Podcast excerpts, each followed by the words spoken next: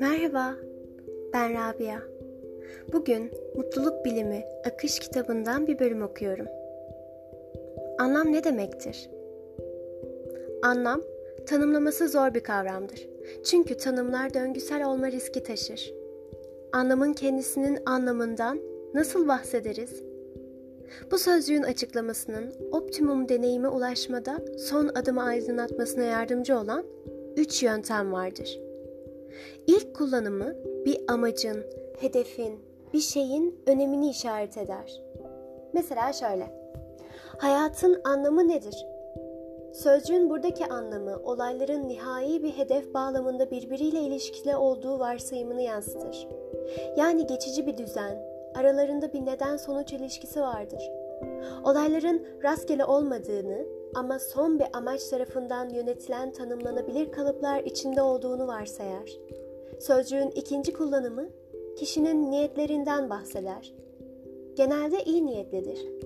Burada anlam, insanların eylemdeki amaçlarını ortaya çıkarır.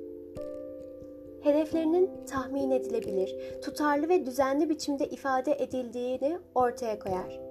Son olarak sözcüğün üçüncü anlamında ise bilginin düzenlenmesi ifade edilir. Yani birisi şöyle dediğinde kulak, burun ve boğaz çalışması otorinolaryngoloji anlamına gelir.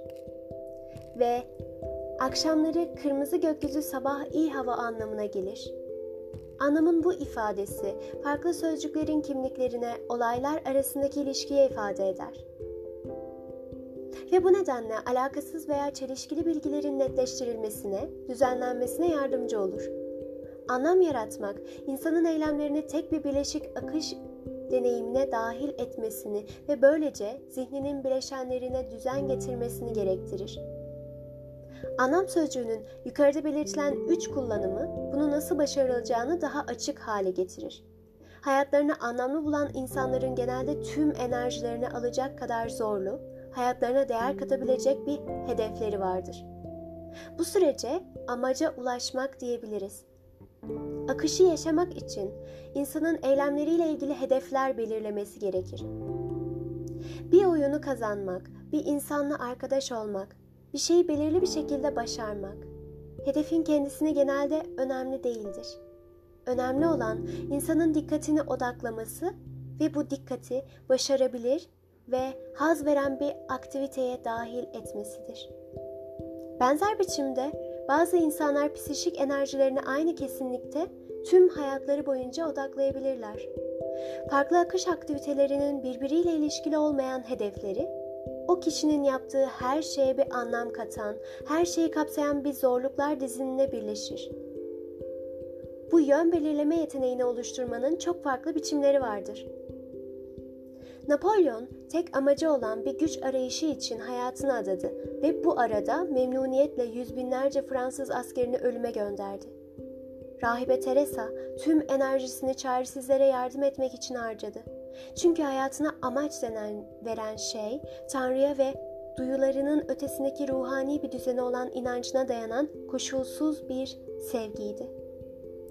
Napolyon ve Rahibe Teresa sadece psikolojik bir bakış açısından bakıldığında eşit seviyede iç amaca ulaşmış ve bu nedenle optimum deneyim yaşamış olabilirler.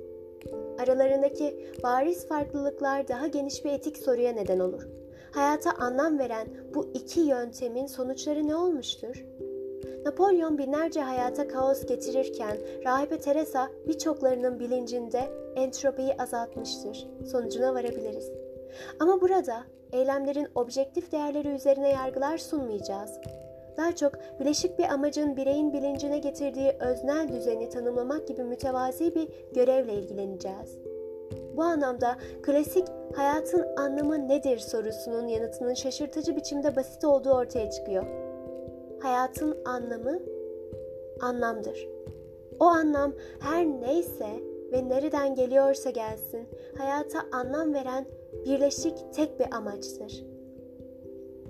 Anlam kelimesinin ikinci kullanım biçimi niyet ifade eder. Bu bakımdan tüm hayatı bir akış aktivitesine dönüştürmek için nasıl anlam yaratılacağı konusunda da uygundur. insanın hedeflerini birleştiren bir amaç bulması yeterli değildir. İnsan aynı zamanda bu amacın getirdiği zorlukları karşılamalı ve bu zorlukların üstesinden gelmelidir. Amaç çabalar ile sonuçlanmalıdır. Niyet eyleme dönüştürülmelidir. Bunu insanın hedeflerinin peşinden gitmesindeki kararlılık olarak adlandırabiliriz. Önemli olan insanın yapmak için yola çıktığı şeyi gerçekten başarıp başaramadığı değildir. Önemli olan boşa harcamak veya dağıtmak yerine bu hedefe ulaşmak için çaba harcanmasıdır. Hamlet'in dediği gibi, düşüncenin soluk ışığı bulandırıyor yürekten gelen doğal rengini. Ve ve nice büyük, yiğitçe atılganlıklar, bir iş, bir eylem olma gücünü yitiriyorlar. Ne yapması gerektiğini tam olarak bilen ama bunu yapmak için enerji toplayamayan bir insanla karşılaşmaktan daha üzücü çok az şey vardır. Blake, alışıldık enerjisiyle şöyle yazmıştı. İsteyen ama eyleme geçmeyen kişi vebayı besler. Hayatın anlam kazanmasının üçüncü ve son yöntemi önceki iki adımın sonucudur. Önemli bir hedef kararlılıkla takip edildiğinde ve insanın çeşitli aktivitelerinin tamamı bileşik bir akış deneyiminde birleştiğinde sonuç olarak bilince uyum getirilir.